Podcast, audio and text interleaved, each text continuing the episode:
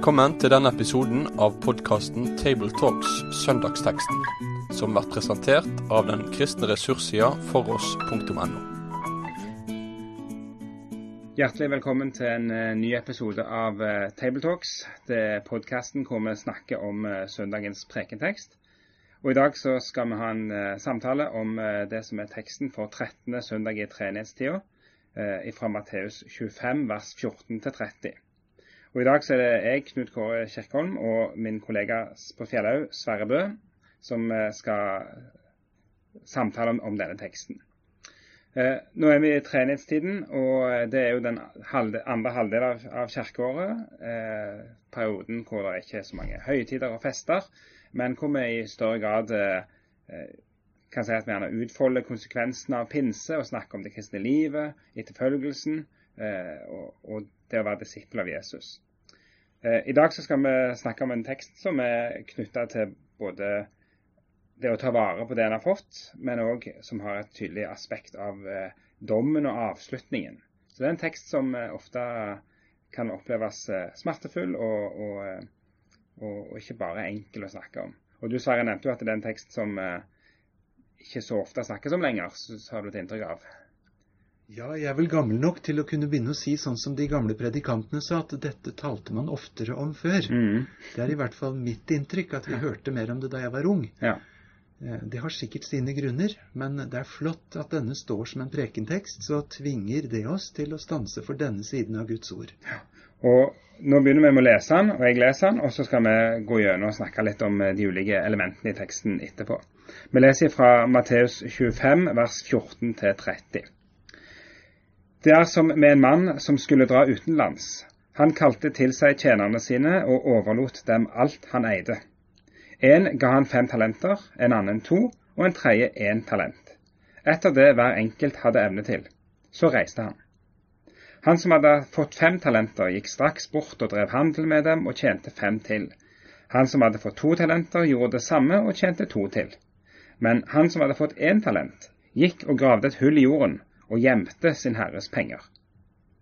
Da lang tid var gått, kom tjenernes herre tilbake og ville holde regnskap med dem.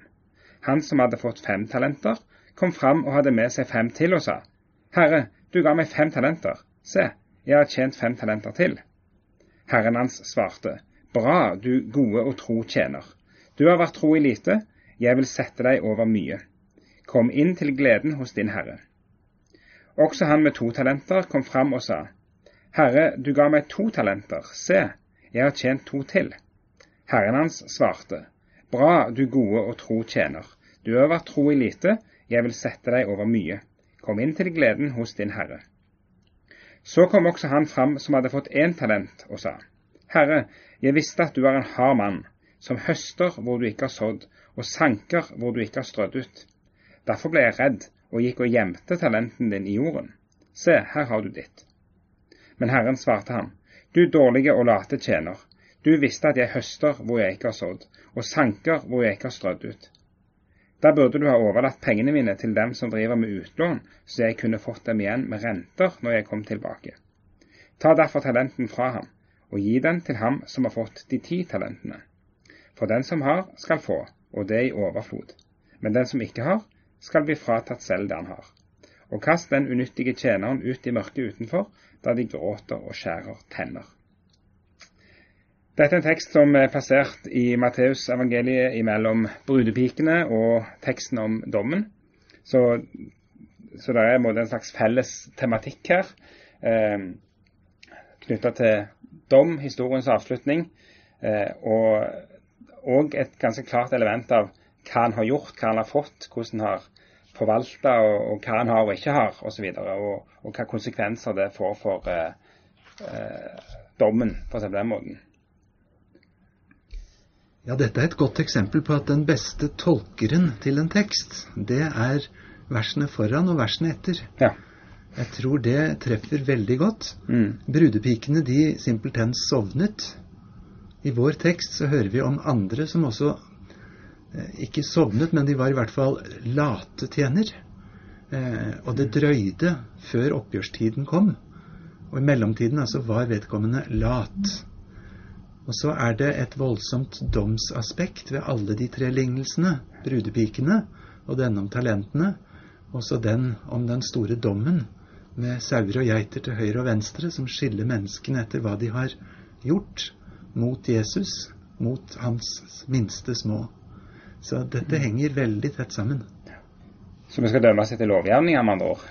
Det er gjerne innvendingen vi folk kan, eh, kan, begynne å reise. og Fra en tradisjon hvor en er veldig opptatt av eh, nåden og tilgivelsen og alt sånt, så er dette sånn brysom tekst. Ja, kanskje skal vi slippe det litt innover oss. Jesus kunne altså holde tre lange lignelser etter hverandre mm. som setter et skikkelig sånt oppvekkerfokus eh, på hvordan ter vi oss mens vi venter på at han kommer tilbake igjen. Og altså Det er mange mange vers uten at vi hører noe om stedfortrederen, soningen, rettferdiggjørelsen. Jesus kunne sette denne type budskap så på spissen uten å umiddelbart trekke inn på den måten vi gjerne gjør eh, stedfortrederen. Mm.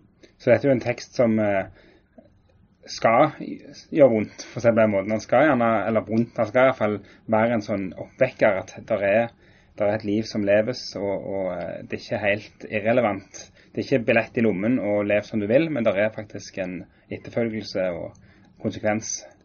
Ja, det syns jeg vi må si. Mm. Og hvis vi snur litt på det ordet 'oppvekker' og sier 'vekkelse', ja så hører vi med en gang den klangen vi er fortrolig med. Mm. Gud vil vekke oss opp igjen og igjen for alvoret med å leve og med å forvalte. Ja.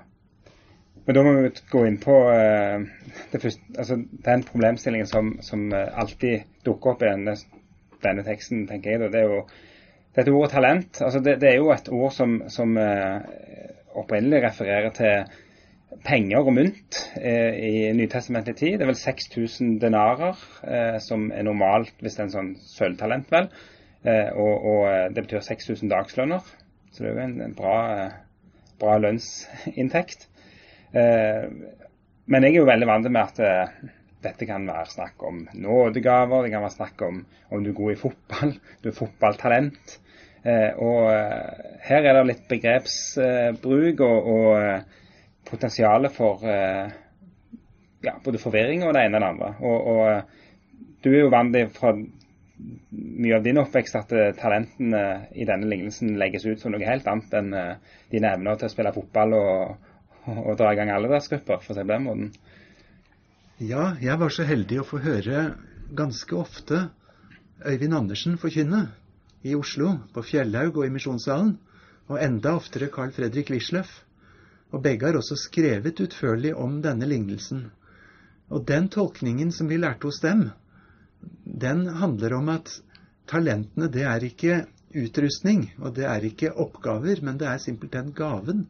Det er evangeliet. Gud har gitt oss evangeliet, og så skal vi la evangeliet få løpe fritt. Så skal Gud gjøre noe, men vi må ikke grave det ned. Mm. Hos Øyvind Andersen så er det såpass bokstavelig forklart som at han sier Jesus selv, han sådde Guds ord i Israel, men han reiste aldri til Etiopia eller til Japan eller til Norge. Men han ønsker å høste også i Japan, Etiopia og Norge, og derfor så har han betrodd det til oss. Det er evangeliet som er den skatten som skal i omløp, og så er utfordringen eh, lar vi det gå videre?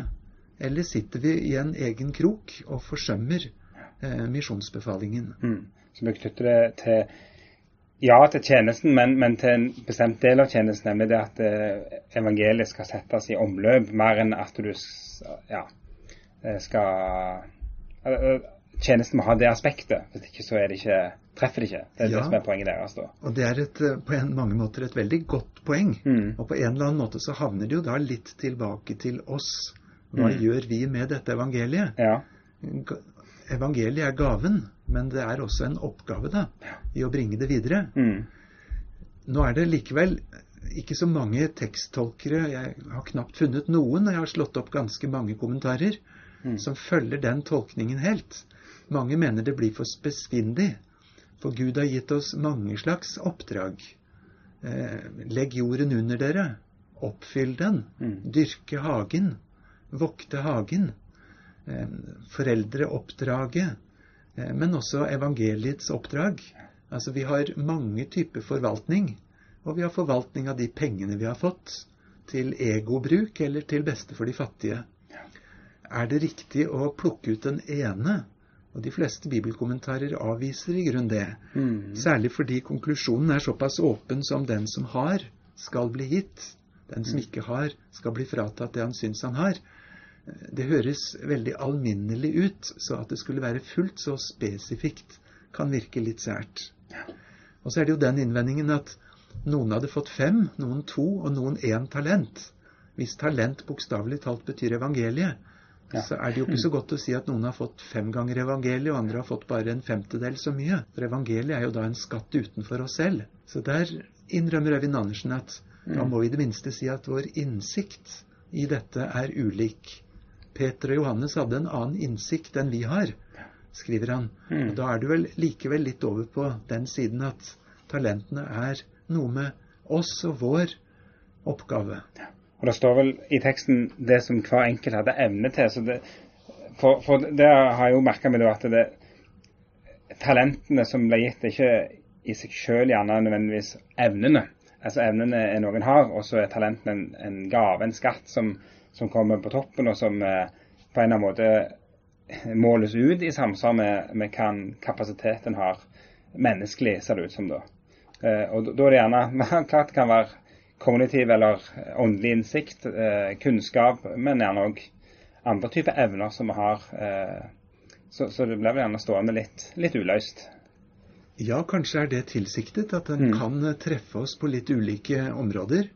På gresk så står dette uttrykket 'ettersom hver enkelt hadde evne til'. Det er ordet dynamis. Ja, kraft. Vi kjenner det som kraft, ja, mm. til og med som dynamitt. Mm. Um, så det er en viss sånn individuell tilpasning. Gud mm. krever oss til ansvar individuelt. Evangeliet er det samme, vi har fått samme gave alle sammen. Men både vår innsikt i det og anledningene til å dele vil være ulike etter hvor i livet du er, og hvilken utrustning du har fått. Og så er jo gjerne en uh, potensiell smertepunkt her er jo da Ja, men jeg er ikke så flink til så mye, jeg. Uh, jeg har ikke ja, jeg er satt til side. Kanskje, kanskje jeg er blitt syk, kanskje jeg har et handikap eller en hindring som gjør at jeg ikke kan gjøre noe som helst. Eh, det er en smerte som gjerne folk kan kjenne på hvis en trykker for hardt på menneskelig kapasitet. Jeg vet ikke, det, det, det gjør det vanskelig.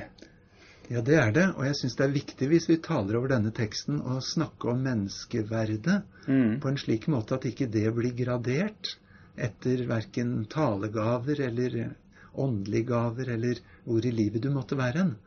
Og Guds rike bygges jo ikke av menneskelig kraft og fornuft. Mm. Paulus måtte lære noe så smertefullt som en torn i kjødet. For når jeg er svak, da er jeg sterk. Så Guds gjerning den er ikke avhengig av våre kapasiteter. Mm. Han kan fylle de tommeste hender. Men det har også en smerteside den motsatte veien. I Jakobs brev så står det at ikke mange av dere må bli lærere, mm. for vi skal få en desto strengere dom. Og helt bokstavelig, Knut Kåre, du og jeg, vi har mm. fått et oppdrag, mm. en arbeidsinstruks, som legger et ganske tungt ansvar på oss. Det er ikke først og fremst en posisjon eller en, noe vi skal briske oss med. Mm. Det er et ansvar vi forvalter, og som vi skal svare Gud for til slutt. Mm. Gamle Pontoppidan han sa Eh, at jeg har ikke engang tatt på meg pipekragen som hører til prestekjolen, uten å spørre hadde det vært bedre med en kvernstein rundt halsen.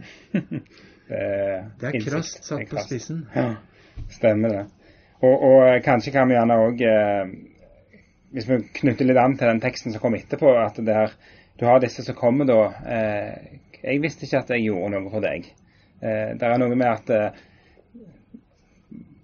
ja, det, det, sånn på ene sida så er det Vi ser jo en, en differensiering i oppgaver og sånt. Så er det samtidig at av og til så er Guds regel omvendt. Og, og, til den som gjerne da føler seg av ulike grunner satt til side i livet og ikke har kapasitet og sånt, så kan det være at det, eh, den gjerning som en gjør, er større i Guds øyne enn han er i menneskelig sine øyne. Så det kan jo være viktig sånn perspektiv å ha med. Og det der er jo ikke bare noe vi sier for liksom å tilpasse oss en sosialdemokratisk, nordisk tenkemåte. Det er utrolig mange Jesus-tekster som handler om disipler som krangler om hvem som er størst. Mm. Og Jesus som underviser med fotvasking og med tjenerskap. Eh, og han kom ikke for å la seg tjene, men for selv å tjene. Så dette er et viktig bibelsk anliggende som mm. vi må si til hverandre. Mm, akkurat, det er absolutt det. Eh, så har jeg reflektert litt for min egen del over disse her tjenerne òg, eh, som kommer. Eh, og det er litt interessant at to av de er liksom energiske, setter pengene i omløp, og er glad og begeistra, kommer tilbake liksom, og viser fram eh, tydelig sånn, stolthet, det de har, har gjort. Mens den andre, han, han virker forknytt. Eh, fryktdreven, resinert. Eh, 'Jeg vet at du er sånn og sånn. Eh, du er urimelig. Eh, skummel, kanskje. og derfor har jeg bare safa og, og gravd ned.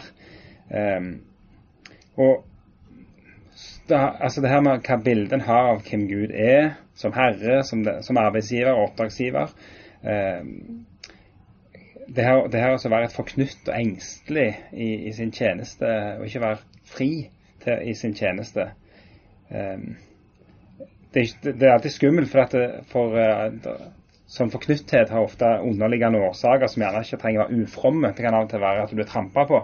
Men, men det er akkurat som det jeg sier her, at det er noe, det er noe låst og bonde og vondt og smertefullt hos, eh, hos denne her.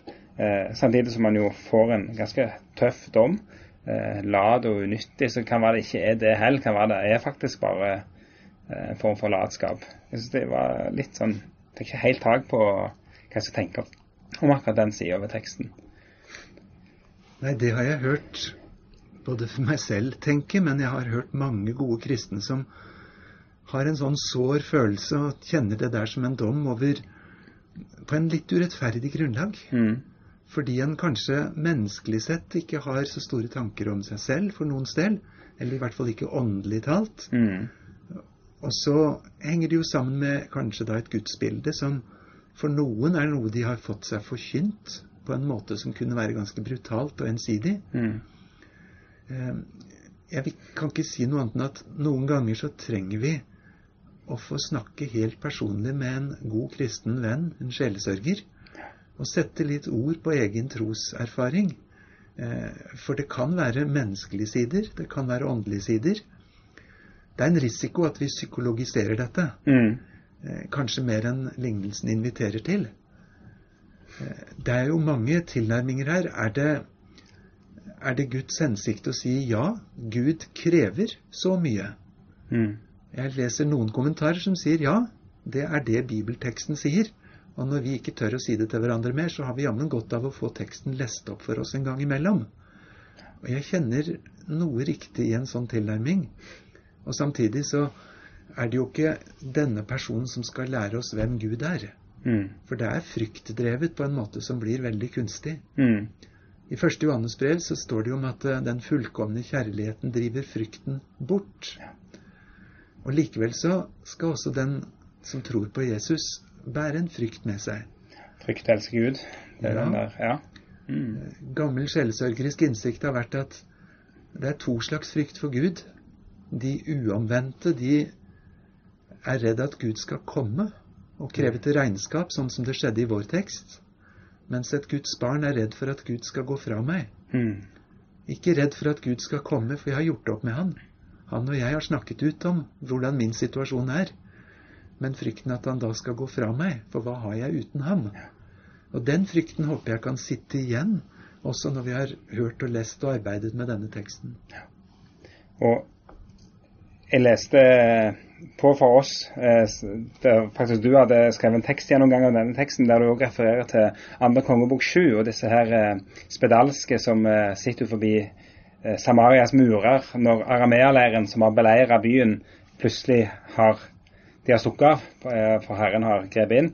Eh, og så sitter de der og boltrer seg i denne maten som de har ved tilfelle oppdaget at er tilgjengelig i leiren, og mens de svelter inn i byen. Og så sier de da til hverandre at det er ikke rett det vi gjør nå, eh, for dette er dagen for gode nyheter. Så derfor så må de inn og springe til byen og fortelle det. Og, og det her med Kristi kjærlighet som tvinger, og, og, og denne, altså dette tjenestesaspektet, enten det handler om å sette Guds ord i omløp, eller det handler om andre former for tjenesteforvaltning av, av Guds gaver. At det, det handler vel til syvende og sist òg om noe som handler om et hjerteforhold til, det, det en har fått, eh, og til den Herren som har gitt, eh, på et eller annet vis. Da. At, eh, at disse her eh, tjenerne som setter pengene i omløp, det, de, de, kjenner på en, en, lyst og en motivasjon til å eh, ta vare på det de har fått, mens den andre han eh, er av en eller annen grunn ikke der. Det, det, er òg et inntrykk som, som jeg sitter igjen med etter å ha lest dette her. En av Trygve Bjerkreims klassiske misjonssanger setter ord på akkurat dette, syns jeg. Mm. Den selaste lukka ja. i livet vart di, den gang du til Jesus fikk gå. Han makta å tilgi og gjøre deg fri, men sa du til andre ifrå. Og så kommer det tredje verset som alltid har bora seg inn hos meg. Mm. Og Frelseren lit på deg, det veit du vel, og difor han ba deg å gå. Mm. Jeg byd dykk han befaler at vi skal dele den gleden. Mm. Så den setter ord på, på, den der skrustikka, som eh, Ludvig Hope kalte det. Ja. Mm. Hvis Gud har plassert deg i snekkerens skrustikke og dratt skikkelig hardt til, så kan du ikke stikke av. Mm. Du sitter der. Og hva gjør det med meg? Ja, for Frelseren lit på deg, det veit du vel. Mm. Og i en tid hvor eh, frykten for å binde seg, eh, ønsket om å trykke på 'delta kanskje', eh, ofte får litt for mye plass i våre liv, så er jo dette òg en tekst som kan gi oss det, den uh, lille Stramme den skrustikka litt. Det, så sånn sett har han jo en, en funksjon her òg inni, inni mange sitt liv. Det tror jeg nok. Jeg hørte en nydelig historie fra et sted her på Østlandet med en ung gutt som var blitt en kristen i løpet av sommerferien. Men han skjønte fort at jeg er ikke noe sånt å snakke. Ikke i klassen i det hele tatt. Og samtidig, jeg må jo få sagt fra at jeg er blitt en kristen. Så han visste ikke åssen han skulle få ordna seg annet enn han kom på en plan. Første skoledag i august. Da skynder jeg meg inn i klasserommet før de andre. Og så tar jeg krittet, og så skriver jeg på tavla. Og det gjorde han. Mm. Jesus er veien, sannheten og livet. Hilsen Torstein. Ja. en flott måte. En som måtte få sagt det, men han følte at eh, talentkontoen var ikke så stor. Mm, stemmer det. Ja, fint. Og det, det, er jo det som gjerne kjennetegner den tjeneren som eh, har motivasjon og lyst til å, til å, tjene og gjøre noe med denne gaven som er blitt gitt. Da. Så det er fint. Og det var vel ikke en sur pliktfølelse at dette må jeg alltid si, men det er en tro på at dette virker for flere. Mm. Ja, det, det er sant.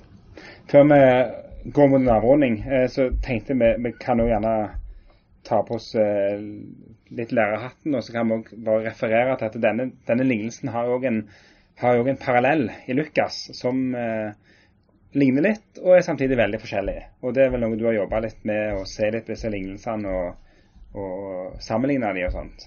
Kunne du ha noen kommentarer på det? Ja, men er ikke det spennende at mm. Jesus mm. åpenbart har snakka om samme ting mange ganger? Jo, sant. Og noen ganger så blir han referert i to evangelier på samme tale eller samme utsagn eller samme hendelse. Denne lignelsen er liksom et sånn skikkelig vrient punkt. Og mm. her deler bibeltolkere seg i to like store grupper. Er det samme lignelse med små nyanser, mm. eller er det rett og slett to helt forskjellige lignelser som ligner på noen punkt? Det er altså i Lukas 19, rett etter fortellingen om Sakkeus, at Jesus forteller Men da handler det om en konge som reiste bort, og mens han var borte, så betrodde han eh, oppgaven sin til ti tjenere mm. som skulle svare på forskjellige deler av hans rike. Og så er det ganske mange ulikheter i selve billeddelen, men konklusjonen ligner den vi har hos oss. Mm.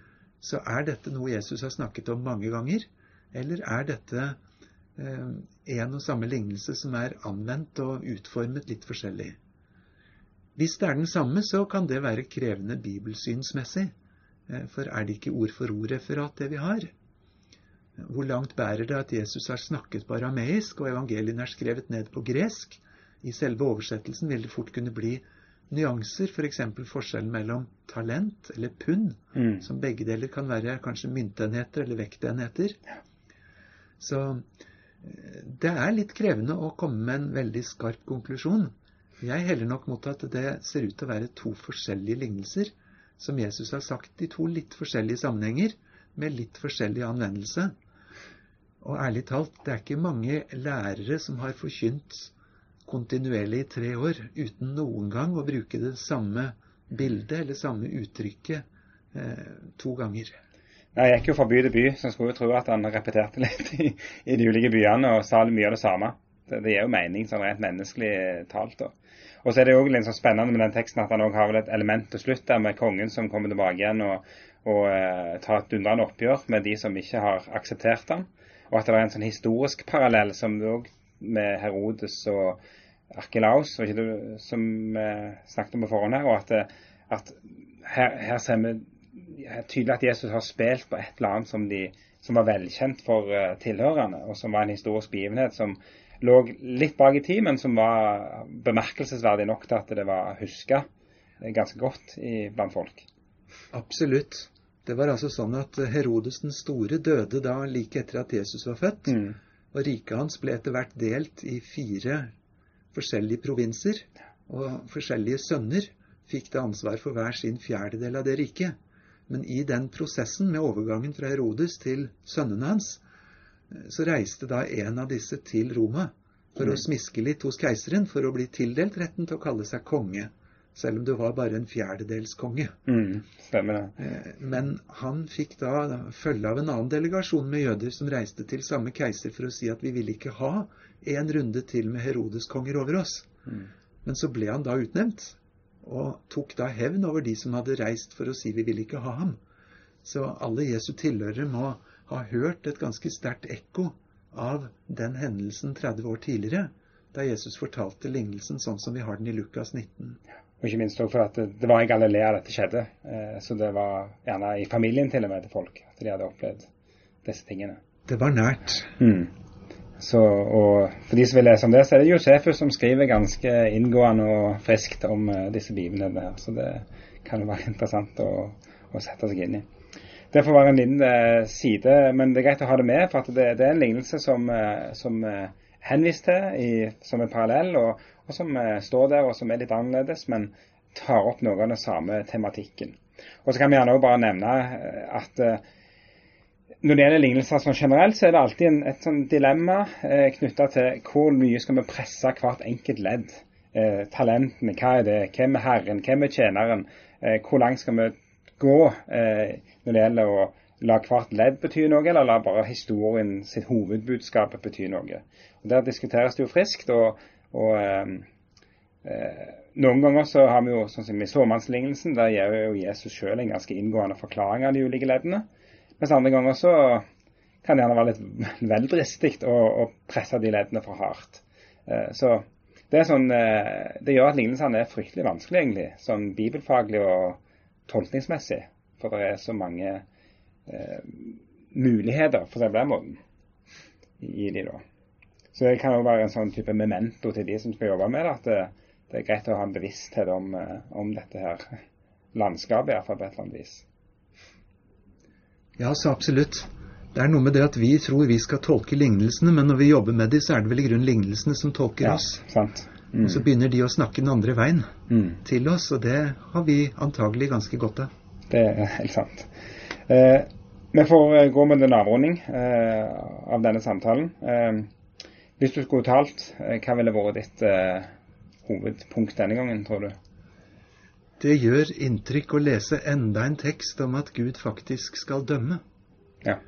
Og at han skal dømme meg. Og det skal skje individuelt. Jeg står til ansvar for Gud.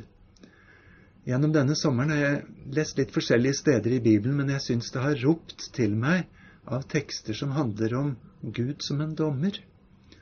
Ikke på en sånn måte at nåden er blitt eh, borte, mm. men på en sånn måte at jeg sier med meg selv har dette en så stor plass i Bibelen, med så mange tekster? Hva burde det da ha i min forkynnelse, i mitt eget trosliv, i min horisont? Ja, jeg står til ansvar for Gud. Jeg trøster meg til nåden og har mitt eneste håp der, og den er gyldig.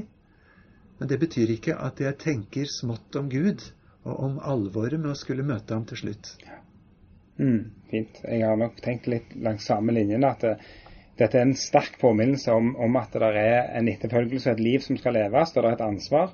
Eh, og det er faktisk et oppgjør. og eh, Faren for, eller det at vi kan gjøre Gud til en veldig snill og godslig sosialdemokrat, for å si det på den måten, er fort gjort. Her, her er det en Gud som faktisk òg eh, har et oppgjør, da, og, og, og, det kan være viktig at vi ikke tillater oss at vi glemmer.